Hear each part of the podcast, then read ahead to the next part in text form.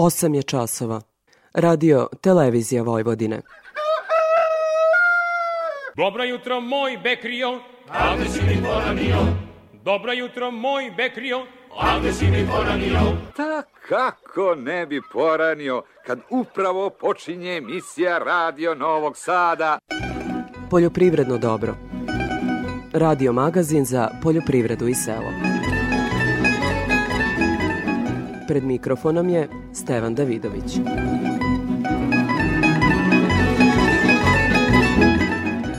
Dobro jutro. Nakon perioda bez padavina, kiša je dobro došla u sevu pšenice. Međutim, za mnoge parcele to neće značajno pomoći da se biljke oporave i vrate u kondiciju.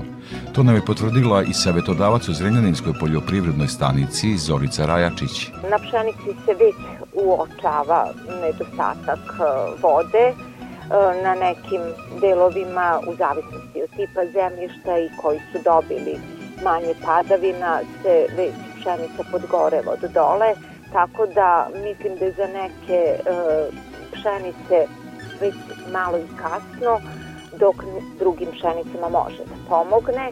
Ovo isto nije dovoljna količina vode, to je mala količina vode, zemljište je jako suvo.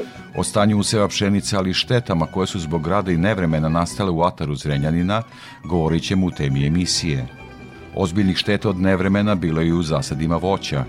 Naime, u Ariljskom kraju mnogim voćarima, nažalost, neće biti potrebni sezonski radnici, jer je većina roda ne samo za ovu, već i za narednu godinu obrao grad. O tome takođe govorimo u nastavku emisije.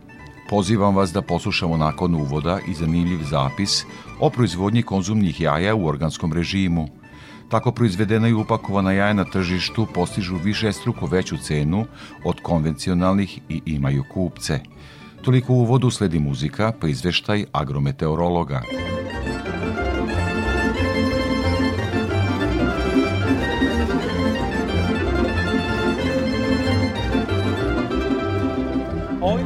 coko, crno, oko, crvena jabuko. Oj, coko, coko, crno, oko, crvena jabuko.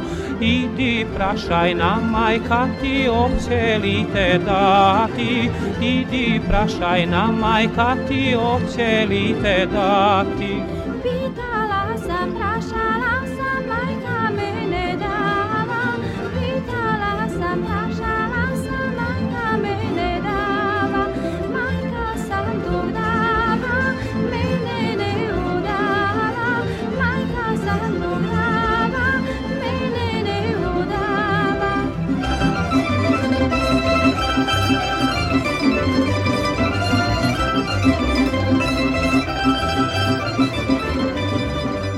Oj, coko, coko, crno, oko, crvena jabuko.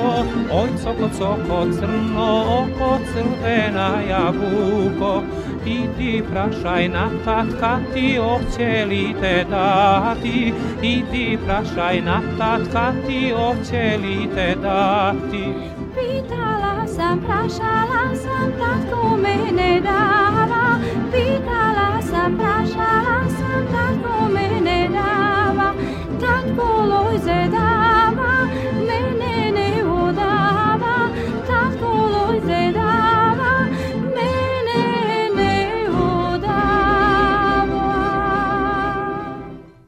Poljoprivredno dobro. Radio Novi Sad.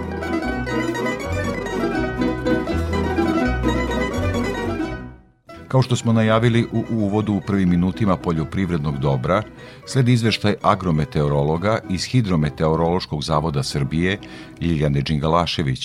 Poslednje dane maja područje Srbije zahvatilo je jačeno oblačenje sa padavinama uz kratkotrajan pad temperature koje su imale vrednosti ispod 20 stepeni.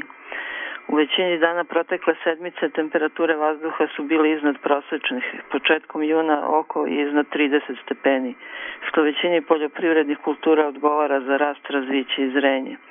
Međutim, pšenici koja se trenutno nalazi u različitim fazama formiranja zrna, temperature preko 30 stepeni ne odgovaraju jer ubrzavaju zrenje pa zrno ostaje šturo, što znači i manji konačni prinos. Krajem maja došle su i dugo očekivane padavine. Izmerene količine kretale su se od 10 mm u delu zapadne Srbije do 70 mm u okolini Kragujevca. Na najvećem delu teritorije Srbije bilo je od 15 do 30 mm padavina. Kiše su prekinule izuzetno suvi nepovoljan period i nakvasile površinski sloj zemljišta. Padavine u prvim danima juna bile su lokalnog karaktera, tako da postoje velike razlike iznad pojedinih područja. Količine padavine su najčešće bile ispod 5 mm. Ponegde nije ni bilo kiše, a veća količina padavina zabeležena je samo u okolini Smederevske palanke, oko 40 mm. Kako stanje useva ne zavisi samo od klimatskih činilaca, nego i od kvaliteta zemljišta i primenjene agrotehnike, tamo gde su ispoštovane sve agrotehničke mere, usevi su u dobrom stanju. Na najvećem delu poljoprivrednog područja Srbije potrebe biljaka za vodom su i dalje velike, pa bi u narednom periodu uz umereno toplo vreme bilo poželjno da bude novih obilnijih padavina. Padavine zabeležene krajem maja stvorile su povodne uslove za razvoj biljnih bolesti, kao što su čađava pegavost i čađava krastavost ploda jabuke. Zatim do ostvarenja infekcije prouzrokovačem šupljikavosti lišća koštičavog voća, pegavosti lista trešnje i višnje i truleži plodova, kao i plamenjače, pepelnice i crne pegavosti lista vinove loze. Kod ratarskih kultura, prvenstveno pšenice, u uslovima velike vlažnosti dolazi do infekcije klasa gljivom prouzrokovačem fuzarioze klasa. Od biljnih štetočina treba pomenuti lisne vaši na paprici i voću, a prisutni su i šljivin i breskvin smotavac koji prouzrokuju crvljivost plodova. Prema prognozi tokom većeg dela naredne sedmice očekuje se promenljivo oblačno, nestabilno i toplo vreme uz smenu sunčanih i oblačnih intervala i lokalnih kratkotrajnih pljuskova sa grmljavinom. Više padavina bilo bi u prvoj polovini sledeće nedelje. Temperature vazduha bi uz manja kolebanja imale vrednosti oko ili nešto iznad višegodišnjeg proseka, najčešće od 25 do 30 stepeni. Krajem sledeće sedmice prognozira se stabilizacija vremena i porast temperature. Za Radio Novi Sad iz Republičkog hidrometeorološkog zavoda Ljiljana Đingalašević.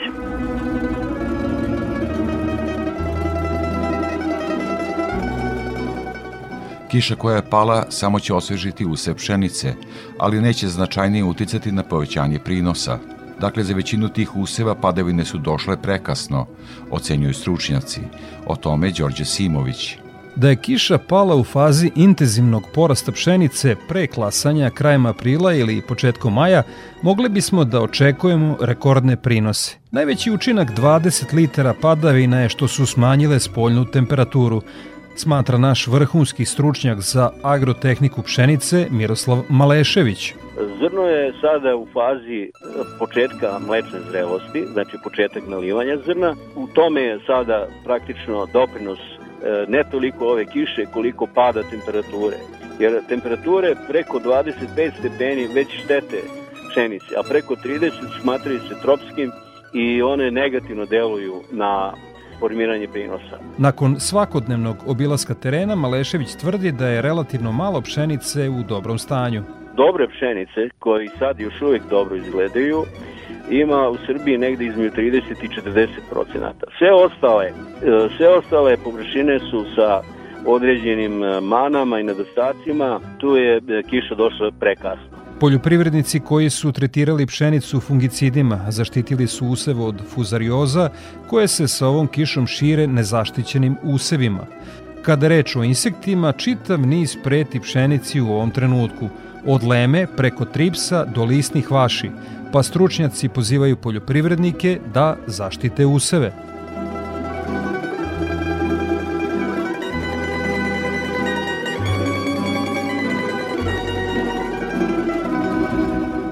Prelazimo na zaštitu bilja. Iz prognozu izveštene službe javlja se stručnjak u toj oblasti Milena Marčić.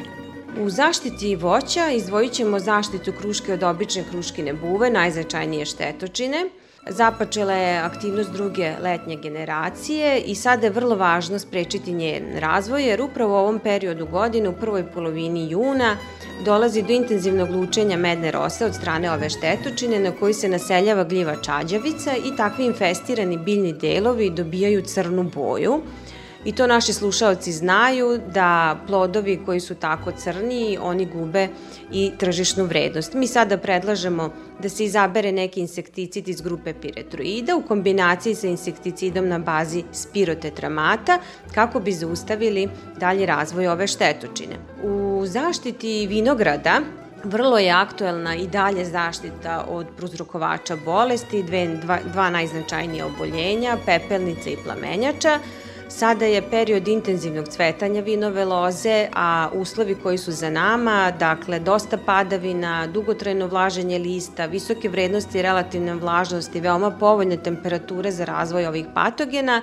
Znači, uslovi su bili povoljni i sada bi trebalo primeniti kombinaciju e, sistemičnih i preventivnih fungicida i za pepelnicu i za plamenjaču i važno je da naglasimo da je u ovom periodu najbolji izbor za zaštitu od prozrokovača plamenjača je neki od fungicida koji u sebi ima fosetil aluminijum kao aktivnu materiju. Povrtari, proizvođači kupusa treba da obrate pažnju na štetočine. Imamo sad već nekoliko rokova sadnje. Kupusi su u dosta različitim fazama razvoja, ali treba pregledati na prisustvo kupusovog moljca, na prisustvo obuvača, bele kupusne mušice, lisnih vaši i primeniti odgovarajući re, registrovani insekticid. Proizvođači krompira sada obavezno treba da sprovedu mere zaštite od prozrukovača plamenjače, najznačajnijeg oboljenja krompira u našoj zemlji. U godinama kada imamo vrlo povoljne uslove, može i 80% prinosa da bude ugroženo,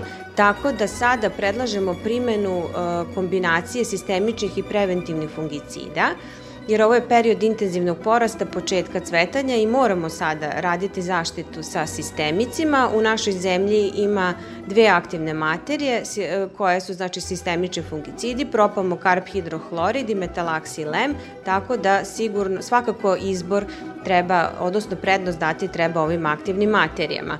Naravno, treba obratiti pažnju i na zaštitu od krompirove zlatice. Ratari, proizvođači kukuruza, da ih informišemo da je započelo piljanje kukuruznog plamenca, najznačajnije štetočine kukuruza i da je sada vreme da se sprovedu mere zaštite. Ima dosta aktuelnih informacija u zaštiti bilja, svi proizvođači koji žele da se detaljnije informišu mogu to da urade na portalu prognoz izveštene službe za zaštitu bilja pisvojvodina.com i veliki pozdrav iz PISA od Milene Marčića.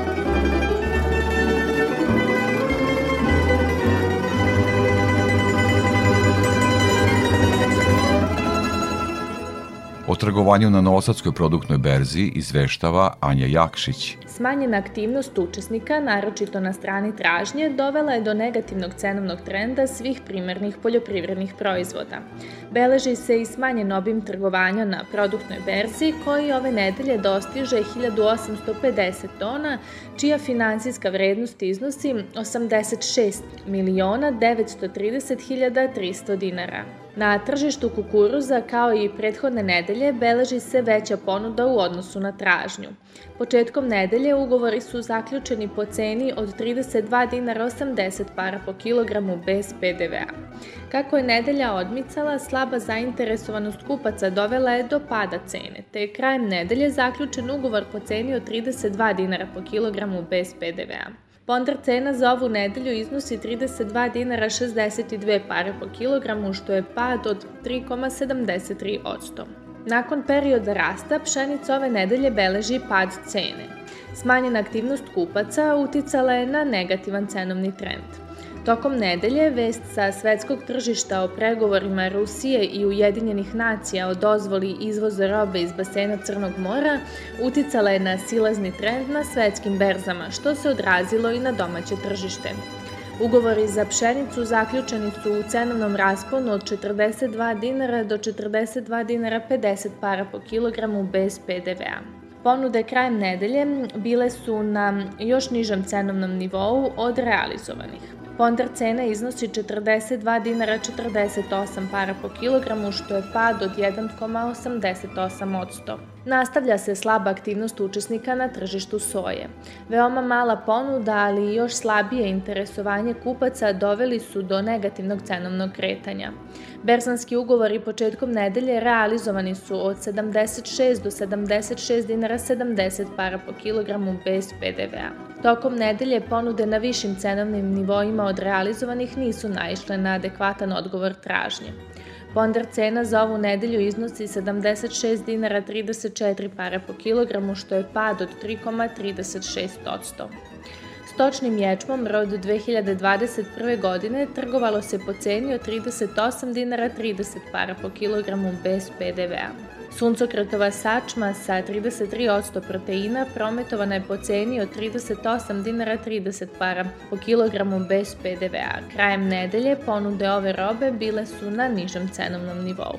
Sa produktne berze Anja Jakšić.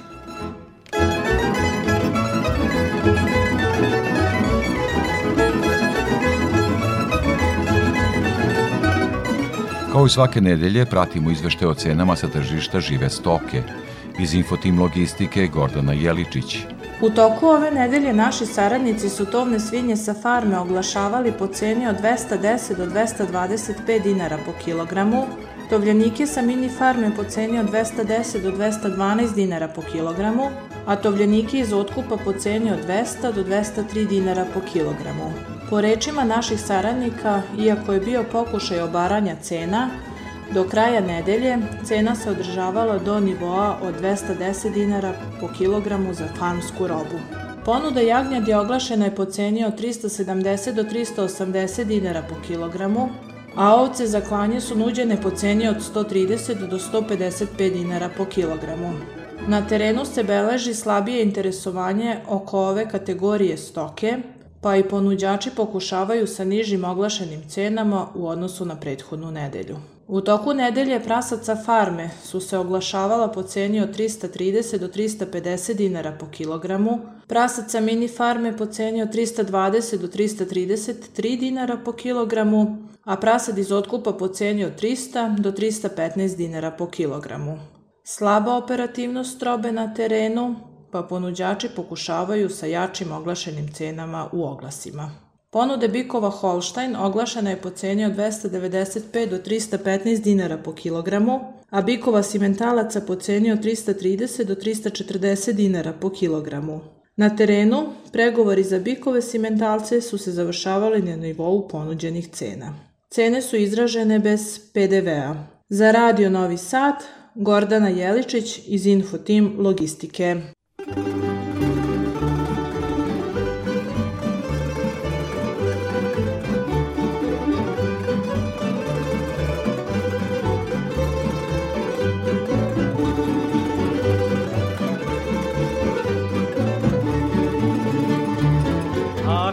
Kraj sela jedna kuća bela Milčice moja moja, šećer usta tvoja Dušo moja, al te volim ja Dušo moja, al te volim ja.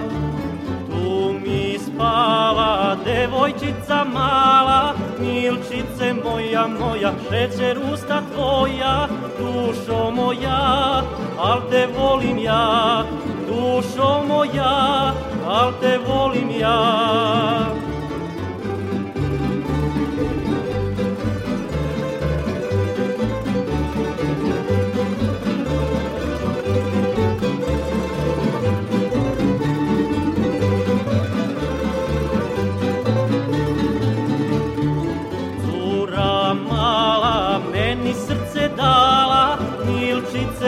Moja, moja, šećer usta tvoja, dušo moja, al te volim ja, dušo moja, al te volim ja.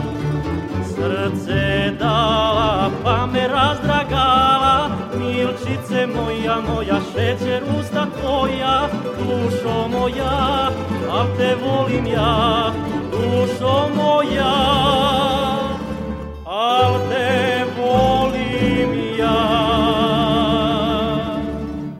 Poljoprivredno dobro.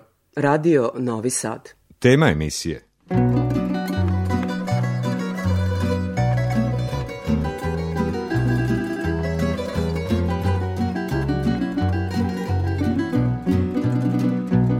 Nakon perioda bez padavina, kiša je dobro došla u sevu pšenice. Međutim, za mnoge parcele to neće značajno pomoći da se biljke oporave i vrate u kondiciju – U temi emisije to nam je potvrdila savetodavac u Zrenjaninskoj poljoprivrednoj stanici Zorica Rajačić.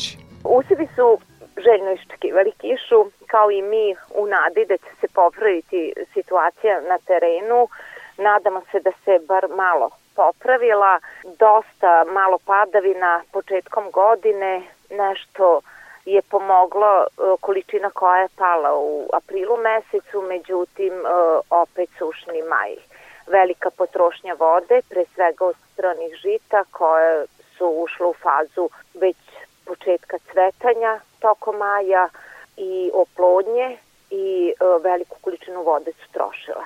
Tako da e, je tu najveći nedostatak zabeležen upravo na stranim žitima, na pšenici i ječmu, a prolećni usevi su imali dovoljno vode za početni porast, to je ta količina koja je pala u aprilu mesecu između 40 i 50 litara što se tiče našeg regiona i e, to je bilo dovoljno za početni porast. E, oni dosta dobro izgledaju što se tiče prolećnih useva, znači kukuruza, suncukreta, šećerne repe, soje, tako da ove količine za njih e, nisu e, kasne, došle su u pravo vreme, samo što je opet u pitanju neujednačen raspored padavina i negde palo desetak litara, a negde 20, 30.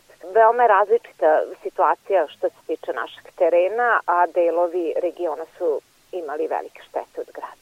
E, i o tome ćemo malo razgovarati. Da se vratimo samo u sevu pšenice, nešto ste pomenuli da su da je neravnomerno bilo padavina. Generalno, da li je ovo dovoljno i da li je palo u pravom momentu?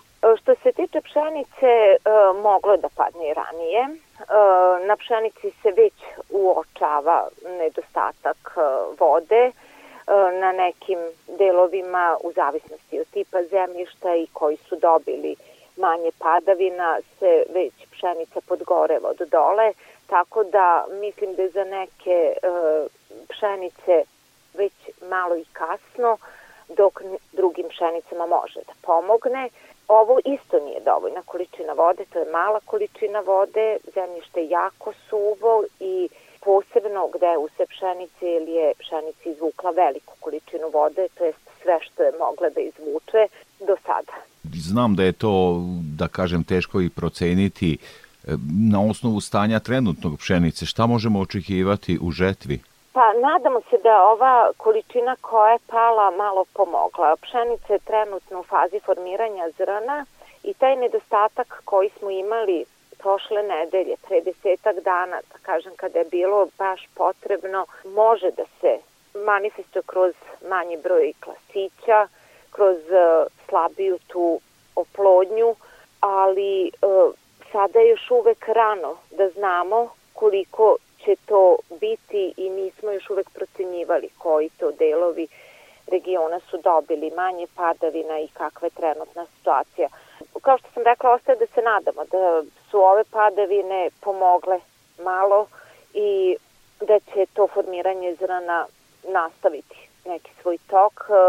U, imamo neke padavine i dalje u najavi, što može da pomogne i kako sada u nalivanju zrana, Tako da može situacija kod nas što se tiče regiona Srednjeg Banata i većeg delatara i dalje padavine mogu da e, pomognu, dok nekim pšenicama, kao što sam rekla, gde se, koje su već stradale od nedostatka vode, e, kojima to znatno ranije trebalo je sigurno sada već kasno.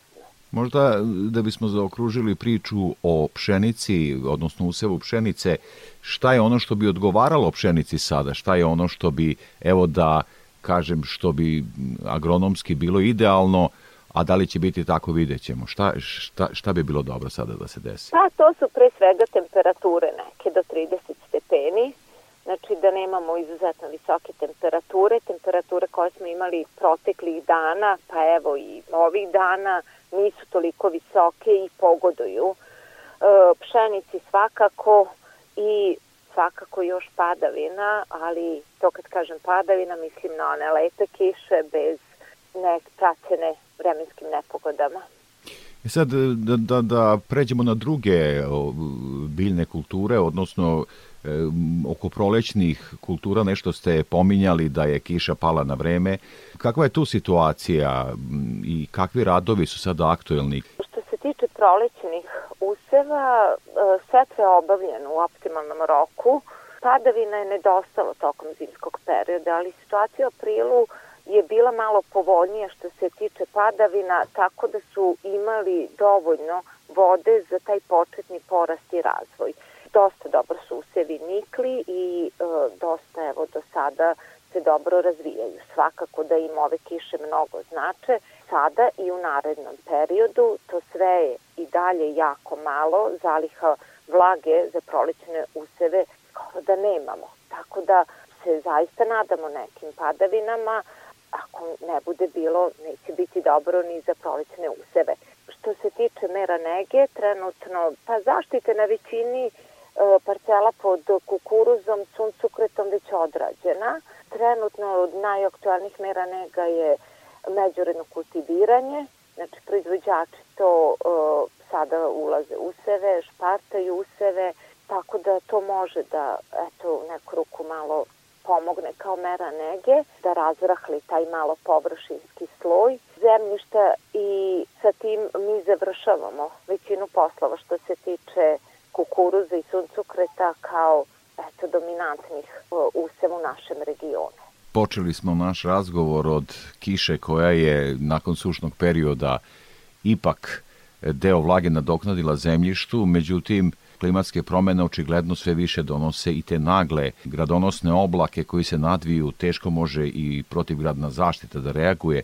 Kakva je situacija u Zrenjaninskom ataru bila sad u prethodnom periodu? Kao što ste rekli, te klimatske promene nekada je grad bio više vezan za letnje mesece, sada se to javlja eto, i rano s proleća i tokom proleća e, visoke temperature smo imali i tokom prošle nedelje e, veliki deo atara grada Zrenjanina zahvatio je grad praćen olujnim vetrom i to jačeg intenziteta.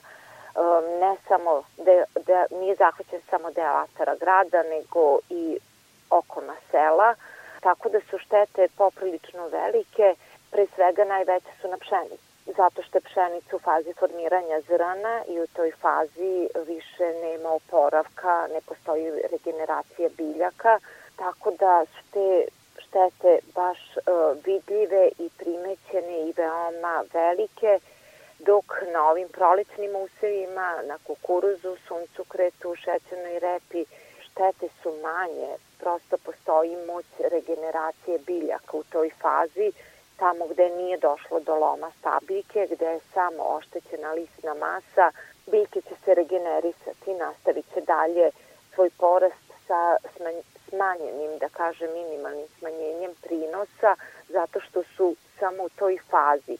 Međutim, imamo i parcele koje se presejavaju, gde su štete veće, pre svega na suncukretu, gde ima dosta polomljenih biljaka, tako da mo imati posla tokom ovog perioda i narednog perioda, znači usevi sa kojima već, na kojima smo odradili i negu i zaštitu i useve koje ćemo iz početka uh, morati da zaštitimo uh, i da radimo herbicidne tretmane iz početka.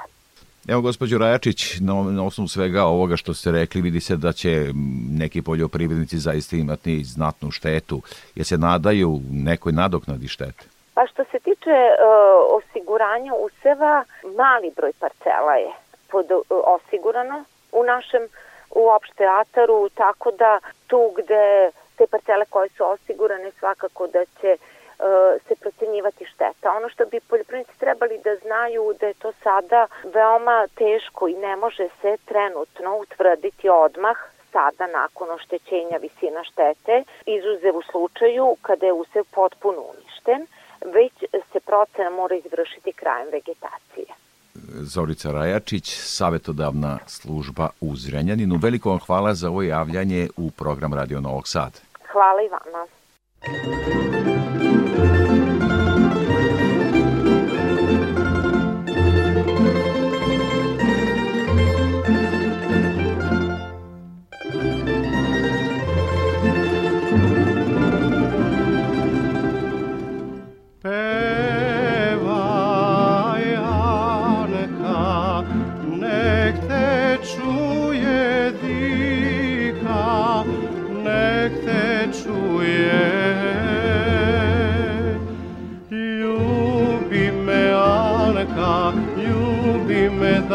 majka, poljubi me Angelina, nek je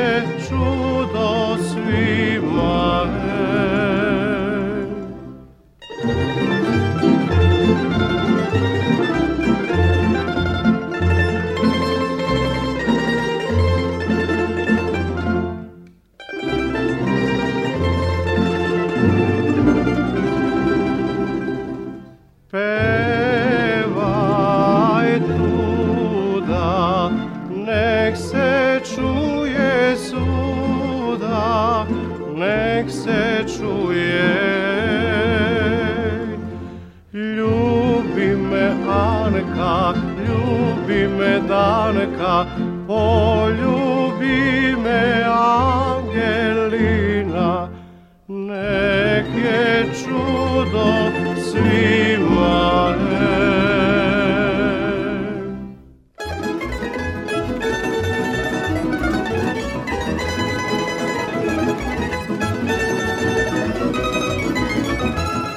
U Areljskom kraju mnogim voćarima neće biti potrebni sezonski radnici, jer je većinu roda ne samo za ovu, već i narednu godinu obrao grad koji ovih dana opustošio deo teritorije opštine i za pola sata potpuno uništio višegodišnji trud seljaka. Katarina Radulović. Za 40 minuta grad veličine Oraha potpuno je uništio sav trud ariljskih seljaka. Lastari na kupinama i malinama su potpuno izlomljeni, a štete nisu zaobišle ni voćnjake pod trešnjom, šljivom, jabukama i kajsijama. Za Radio Novi Sad govore voćari Branko i Marinko Luković. Onda je počeo grad veličine, veličine oraha jako nepravilnog oblika, tako više su stradali u sebi jabuke. Mi ovim se bavimo tokom cijele godine od ovoga što živimo od ovoga. Cijele godine se mučimo, radimo, rezujemo, prskamo, bacamo đubre, beremo i eto, za pet minuta dođe sve i obere i gotovo. Radoslav Marković iz Arilskog sela Latvica u svom veku ne pamti da je grad za sobom ostavio ovakvu pustoš. Bio je čovjek sigurno korah. Korah je bio. To je tuklo da sam bio u, u kući bio, jer ko provali i prozor i vrata i sve čovječe. Voćnjak 100% je uništen. Eto, ovo je zasio s- selo Lapi. Evo, pogledni ovdje, ovo, pogledni na zemlji kako je to to leži, sve dole, sve dole. Nadao se čovjek nešto da, da, da, da, eto ti, mnogi i žive od ovoga i mi živimo od toga. Za Miljka Krčevinca u kraju prepoznatljivog kao proizvođača najkvalitetnije maline, sezona je završena pre vremena, jer ono što su trebali da oberu sezonski radnici, obrao je grad. Bile su dobre maline i negde od grad kad je naišao, bio sam u malinjaku. Tako da nije ostalo ništa od malina. Nema ništa da se bere, totalna šteta.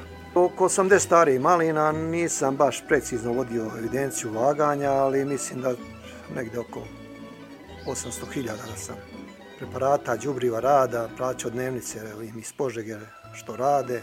Iako su protivgradni streljci dejstvovali sa svih strana ispalivši 76 raketa, borba sa gradonosnim oblacima ovoga puta za mnoge voćare je izgubljena. Za Radio Novi Sad govore Petar Luković, protivgradni strelac i prvi čovek opštine Arilje, Predrag Maslar. Ja sam danas pucao na svako 5-10 minuta, zavisi. Od pola 3 do, do 3.10. eto. Ispucano je negde od 70 do 80, odnosno tačnije 76 protivgradnih raketa. Neke protivgradne stanice su ostale bez raketa, međutim ono što smo u, saradnji i što smo, se čuo, što smo u kontaktu sa predstavnicima Ministarstva poljoprivrede obećano da će protivgradne rakete biti dopremljene ujutru i da će biti popunjene protivgradne stanice. Što se tiče putne infrastrukture, najviše stradala zaseoč, najviše stradali zaseočki putevi. Jako olujno nevreme praćeno gradom uništilo je i putnu infrastrukturu, dodaje predsjednik opštine Arilje. Ova kiša koja je bila pla- plahovita odnela je te nanose, tako da vidjet ćemo, to ćemo kao opština sigurno pomoći na neki način. Još uvek nismo seli da se dovoljimo kako i šta, međutim izaćemo u susret našim sugrađanima što se tiče putne infrastrukture, naravno. Šteta na malinjacima, na voćnjacima, na kukuruzu je ogromna, negdje je zakačilo od 50 do 70% sigurno, negdje možda malo manje, ali ono što je veći problem od sadašnje štete, naravno i sadašnja šteta je ogroman problem, je to što su izdanci za dogodine a, ajde kažemo, i oni su stavljani sa zemljom i njih više nema. Većina voćara ovog kraja osiguralo je svoje fabrike pod otvorenim nebom, ali ma kolika novčana naknada iznosila, teško da će nadomestiti trud seljaka. Za radio Novi Sad, Katarina Radulović. Nisu redki poljoprivrednici koji su u organskoj proizvodnji uvideli komercijalnu šansu. Među takvima je farmer Aleksandar Nikolić. Bavite se proizvodnjom organskih jaja. Gde je proizvodnja? Naša farma se nalazi, da kažemo, u srcu Srbije, u centralnom delu, e, u Šumadiji. E, to je mesto se zove Selevac, u pripada opštini Smederevska palanka. To je do, dobar teren za proizvodnju jaja. Onako lepo je, brdovito je, ovaj ti pašnjaci na koje koke izlaze, ovaj su um, onako šu, okruženi šumama i to je jako lepo izgleda svetski. Sad moram vas pitati, e, to je relativno novo na našem tržištu, tako da kažem. Pa sad je pitanje da li je organska proizvodnja relativno nova ili relativno stara. Mi sad težimo da se vratimo ka organskoj proizvodnji. To je nekad bilo normalno da kod baka i ovaj, Ta tradicionalna jedemo. Tako je. S tim što organska proizvodnja ima neku lestvicu više gde je, na primjer, zabranjeno da kokoške e, jedu konvencionalnu hranu, znači one moraju da se hrane organskim koncentratom ovaj, koji nije tretiran pesticidima, veštačkim đubrivima i tako dalje dalje. Ovaj, pritom e, jasni su propisi koliko kokošaka mora da ima prostora u objektu, e, ne sme da bude zatvorena u kavezima, mora da a, ima slobodu, može, mora da a, ima a, pristup, pristup a, pašnjaku, a, konkretno četiri kvadrata, ovaj, svaka kokoška mora da ima slobodnog pašnjaka, ograđenog, e, mora da ima zimsku baštu, mora da ima ovaj, za animaciju, znači poput sena, da čeprka i tako dalje. Kavezi, ko kavezi su e, slični, znači to su moderni kavezi otvoreni gde samo imate gnezda i imate hranilice okolo i pojelice za vodu. Kad smo već kod proizvodnje jaja i ovog pitanja koliko je to uslovno govoreći novo kod nas, Kako tržište reaguje na to? I kako, koliko cenu postižete? Oni koji nas sada slušaju, a krenuli bi u to, sigurno bi taj podatak volili da znaju. Pa neka prodajna cena, pričam sa PDV-om i sa e, nekim maržama koje marketi e, ovaj, zaračunavaju, ta prodajna cena je u oko 50 dinara po komadu, tako da je e, u suštini moja logika razmišljanja je da je negde svaki hiljaditi čovek je spreman u Srbiji da plati nešto skuplje ovaj, za svoju porodicu, pa sam po toj logici napravio ovaj, tak, takvu farmu. Znači u Srbiji negde ima oko 5000 jaja organskih, zapravo pravih organskih jaja, bez prevara, bez ičega, ovaj, a imate proizvodnju od 5 miliona, znači to je nekih 0,1%. I kolika vam je sada proizvodnja i koliko uspevate da podmirite tržište s obzirom evo na ove brojke koje ste rekli? Pa mi smo mladi, ova firma je e, dobila sertifikate tek ove godine, tako da nisam, nismo bili agresivni na tržištu, mislim da neće biti dovoljno količine ovaj, jaja, za sad ih imam, nismo krenuli ovaj, u prodaju nešto e, jako agresivno, kasnimo sa proizvodnjom ambalaže i tako dalje, ali ovaj, um, verujem da, da, da, da ćemo moći da zauzmemo, da dobijemo naše parče ovaj, kolača na ovom tržištu i da ćemo plasirati ovaj, proizvode kvalitetno. Evo sada dok razgovaramo moram priznati da gledam i pakovanje koje ste uradili, vrlo moderno ili bolje rečeno dobro urađeno. Koliko je bitno za naše proizvođače da u finalizaciji proizvoda i na takve stvari obrate pažnju kao što je pakovanje i određivanje tačne količine za prodajne lance? Pošto imamo iskustvo u prodaju konvencionalnih jaja, ja sam baš insistirao da nađem neko pakovanje koje je totalno drugačije od svih ostalih.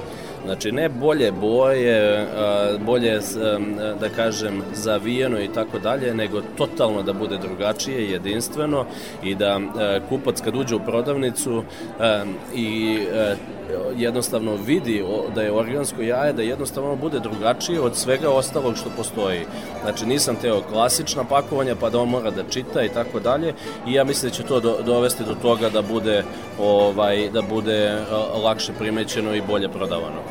Evo sad da tako kažem, iskoristimo i vaše znanje u tim analizama, opet za neke buduće proizvođače. Vidimo u pakovanjima su šest komada jaja, šest jaja. Da li je to mera koja treba da se nađe na rafovima prodavnice? Opet neko subjektivno razmišljanje, ali ovaj u suštini e, ljudi koji imaju novca da plate ovaj tako skup, skuplje jaje, ja smatram da njima nije problem da kupe dve kutijice, da li će kupiti ne, nebitno ili tri kutijice, ovaj tako da to je nešto što je onako po mom mišljenju mera do 10 jaja za organsku proizvodnju, to je sve korektno, znači od tih 4 do 6 do 10 jaja, u toj nekoj meri sad ovde imamo jedno pakovanje od 7 jaja, imamo jedno pakovanje od 6 jaja, ovaj, u prodavnicama imate negde i po 4 jaja da se nađu. Ali sve pod vašom oznakom. Tako je, znači oni, one moraju da imaju svoj žig, da su ovaj, organska i ovaj, nalepnicu, ta, tu stiker da, da su zapravo organska. Gledamo da ih zaštitimo, kada ih zatvorimo da one ne mogu da se u prodavnici zamene, znači imaju svoj, svoj ovaj, stiker tako da, da kupac kad već odvoji taj, takav novac da bude siguran da je zapravo dobio organsko jaje. Inače, organska jaja sama po sebi su ma, malo bleđe bleđeg žumanca, tako i u celoj Evropi, ovaj, zato što se ne dodaje ta boja za farbanje, ono što smo mi tradicionalno navikli da, da vidimo rumena, crvena jaja, to je znači e, boja koja se, jestiva boja koja se dodaje u konvencionalnoj proizvodnji. Ova jaja su malo bleđeg žumanceta i ovaj, po tome su prepoznatljiva. I evo za kraj ovog razgovora imate i preparat koji je vaša inovacija u proizvodnji jaja, odnosno za zadržavanje objekata? Pa da, zahvaljujući tom preparatu sam ja ovaj, u suštini i došao do tih raznih ideja. E, u pitanju je preparat za e, dezinfekciju objekata, konkretno se e, je za, za suzbijanje parazita u živinarstvu, to je crvena kokošija grinja, jedan od najznačajnijih parazita današnjice u proizvodnji jaja, ima ga rasprostanjeno na 85% farmi sveta i mi u Srbiji smo došli do, do jednog inovativnog proizvoda koji je patentiran, pa međunarodno patentiran, posle dobio nagradu za najbolji međunarodni patent iz Srbije, ovaj, podržan je bio i od e, Svetske banke ovaj, sa projektom Inovacijonog fonda Srbije, tako da e, dosta, dosta izvozimo ta, taj proizvod, obilazimo velike farme, konkretno sad radimo farmu u Italiji od 14 miliona kokošaka koji takođe imaju svoje organske proizvodnje i onda sam eto na izvoru informacija šta je to što je trend danas u svetu, pa to gledamo i da ovaj, e, modernizujemo i implementiramo kod nas u Srbiju da budemo u korak sa, sa ovaj, vremenom. Veliko hvala za ovaj razgovor. E, hvala i vama.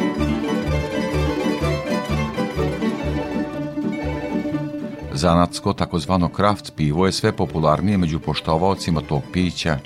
Već četvrtu godinu na Međunarodnom poljoprivrednom sajmu zanatsko pivo su prodavali pivari okupljeni u udruženju malih nezavisnih pivara Srbije. Sa predsednikom udruženja Dejanom Smiljanićem razgovarao je Đorđe Simović. Koliko ove godine pivara prodaje pivo? Ove godine iz našeg udruženja koje sada ima 31 člana, što je super broj krenuli smo sa 17, ove, trenutno je 9 naših kolega ovde, svako je sa po dve vrste piva, znači imate 18 vrsta točnih piva koje vrtimo u rotaciji, svakodnevno ih menjamo. I šta ovde poljoprednici najviše vole da piju od zanatske piva? Pa vole da probaju sve, vrlo su ovaj, zainteresovani da čuju šta to mi radimo. E, sve više i više se interesuju kako godine za godinom, sve se više interesuju, a ovaj, najviše lager, normalno, to je pivo koje je ovaj, široko rasprostranjeno kao pivo pivo i ove godine je super što imamo baš široku paletu lagera. Imamo sedam vrsta lagera među kojih možete da birate, što ranije nije bio slučaj, ranije smo manje toga donosili, tako da je super. Kako ide pivo sa borovnicom? Odlično, to je standardno ovaj, klasika, tako da već ljudi navikli na to. Ima li žena? Ima, ima puno, da. da dobra je strateška odluka da ovde izlažete na sajmu. Posle ovoga, da li vam se ljudi javljaju i posle kupuju, posle sajma pivo naručuju? Pa po meni ovo je jedna od najbitnijih stvari za kraft pivarstvo u Srbiji, zato što je kraft pivarstvo vrlo usko uh, rašireno na, na, na veoma uh, ograničeni krug ljudi. I ovakva dešavanja kao što je ovaj sajam poljoprivrede dotiče neke uh, ciljne grupe koje mi ne možemo svakodnevno da dotaknemo u lokalima kojima mi radimo, Tako da za širenje ove ideje o, o dobrom i kraft pijevu ovo jako bitno i različite slojevi i vrste ljudi koji to nikad ne bi probali u životu, probaju to ovde, jer im je atmosfera njima prijemčiva i onda se odluče da probaju. Tako da je po meni ovo jedan jako bitan događaj u našem kalendaru.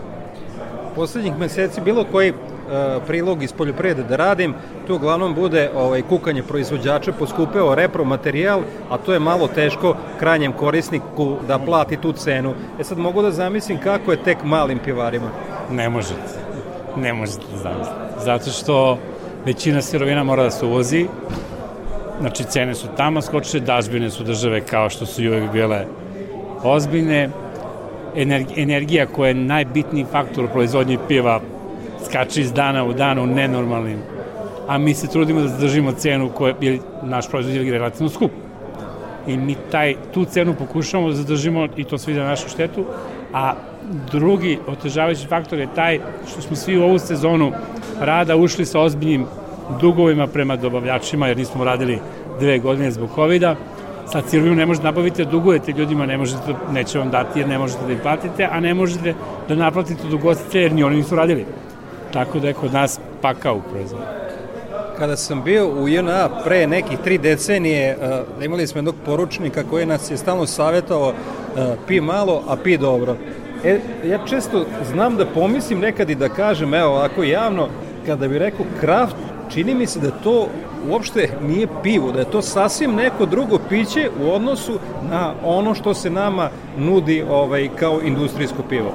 Pa sad, eto, eto dok smo sada došli. Mi ne radimo ništa nenormalno, ne pravimo svemirski brod. Mi samo pravimo pivo kako se nekada pravilo. Komponente? Isti kao što su nekada bile. Hmelj, prvo slad, pa onda voda, hmelj, kvasac i to je to. I poneki začini da bi malo napravili širu paletu, jer sad živimo u 21. veku i ljudi su vrlo, ovaj, kako bih ja rekao, vrlo vole da probaju nešto različito, tako da u toj našoj proizvodnji to je vrlo lako ostvarivo. To je ono što veliki ne mogu da urade, ali mi pravimo samo pivo kako se nekada pravilo, ništa drugo, nema tu neke velike nauke. A nekako se ni država baš uh, preterano ne trudi da vam ovaj olakša te muke. Pa nevidljivi smo. Mi ne postojimo.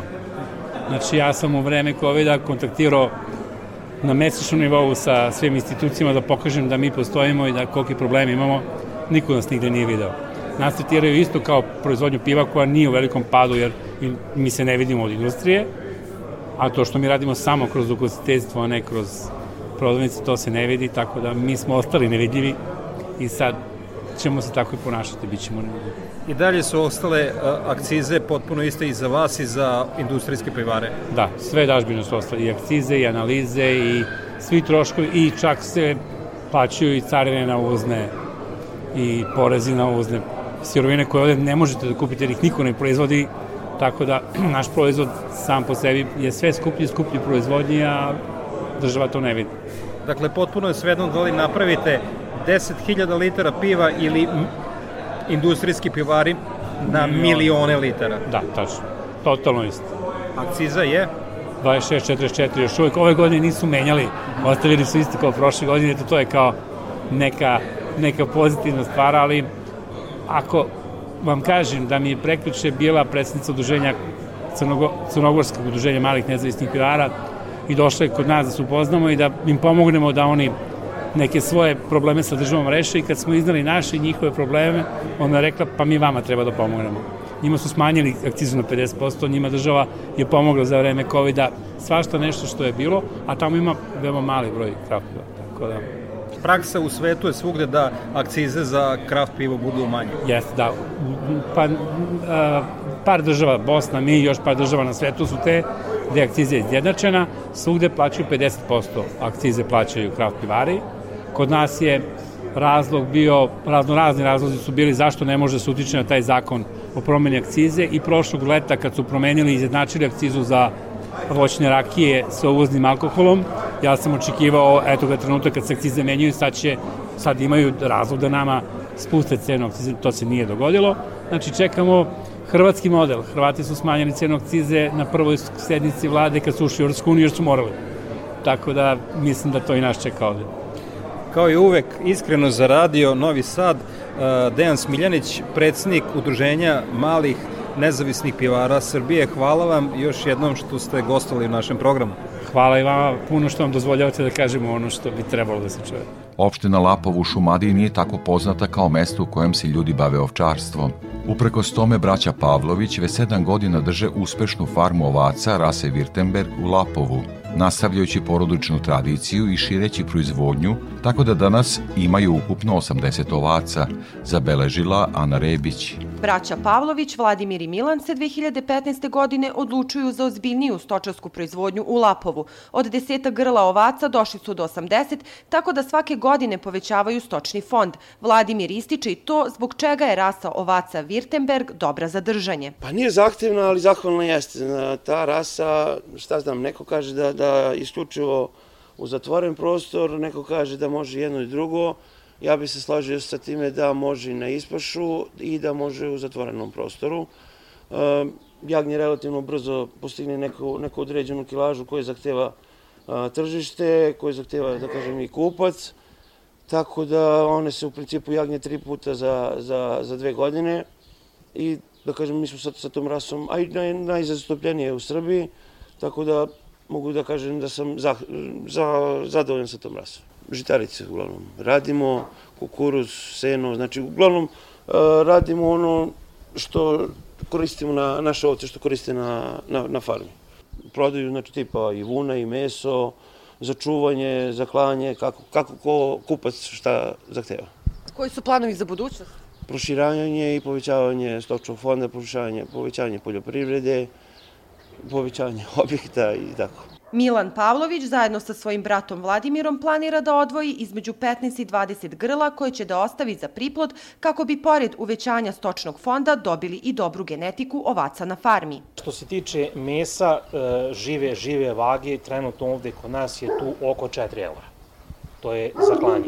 Što se tiče, što se tiče e, nekog priplodnog materijala, cena ide od 5 eura pa na gore. To znači da je e, da se klecnulo, što bi se reklo, e, na gore, ali opet, da kažem, uvek može bolje i kod samih, kod samih proizvođača i uvek ono moglo bi još, ali budimo zadovoljni sa ovim što imamo i sa ovom, i sa ovom cenom. Cena jeste dobra, e, samim tim e, otišle su žitarice cene, otišle su cene koncentrata, e, cene sena i svega toga, ali samim tim i cena stoke je otišla. Tako da, da kažem, zadovolja, mislim, u ovoj trenutnoj situaciji je zadovoljavajuće. Pa imamo, iskreno da vam kažem, imamo kupce po, po, cijeloj, po cijeloj Srbiji. Znači ovde neke naše lokalne koji, da kažem nešto što je, što je za klanje, to se proda, a dosta toga prodajemo širom Srbije. Iako su u opštini Lapovo manje ljudi bavi ovčarstvom u odnosu na ostala mesta u Šumadiji, braća Pavlović su pokazala kako izgleda jedna uspešna farma ovaca u koju će ulagati i vrednim radom uvećati stočni fond u narednim godinama.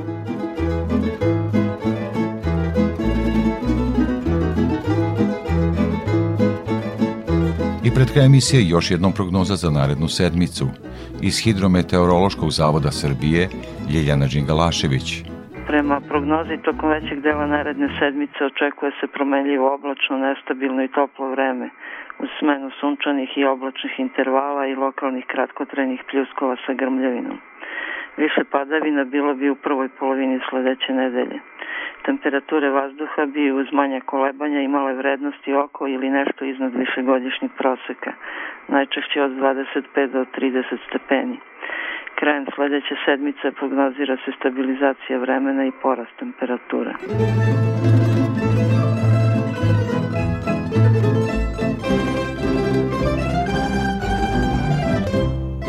To bi bilo sve što smo pripremili za ovo izdanje poljoprivrednog dobra Radio Novog Sada.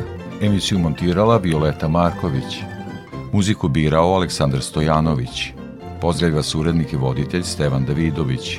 Naredni susreti za sedam dana uz podsjećanje da emisiju možete slušati i odloženo na portalu Radio Televizije Vojvodine na adresi rtv.rs. Svako dobro.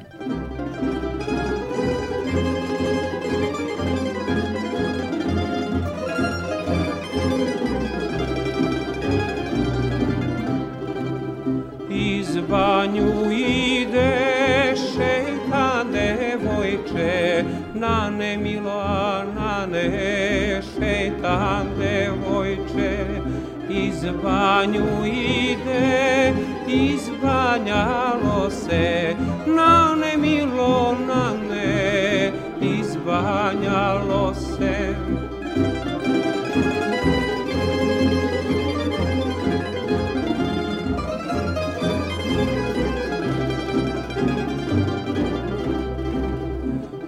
Izbanjalo se, nagizdalo se, na nemilo, na ne, nagizdalo se, nagizdalo se, nakitilo se, na nemilo,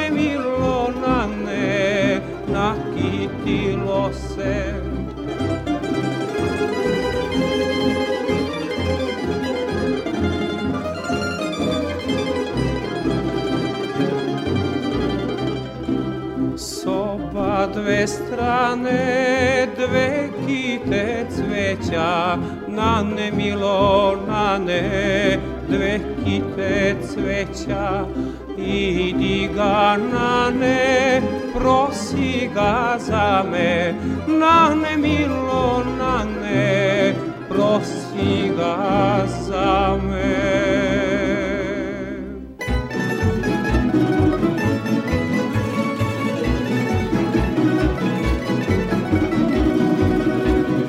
Zorice, devojko, di si sinoć bila? Zorice, devojko, di si sinoć bila? Milane, Dragane, bila u dućanu, Milane, Dragane, bila u dućanu. Zorice, devojko, šta si kupovala? Zorice, devojko, šta si kupovala? Milane, Dragane, kupovala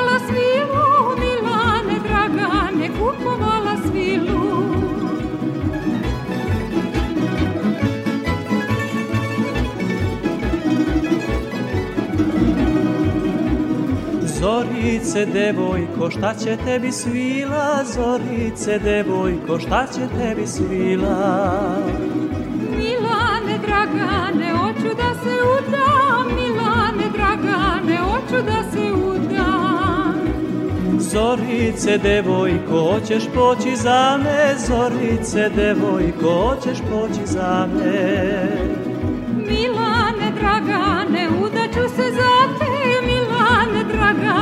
Dragane, udaću se za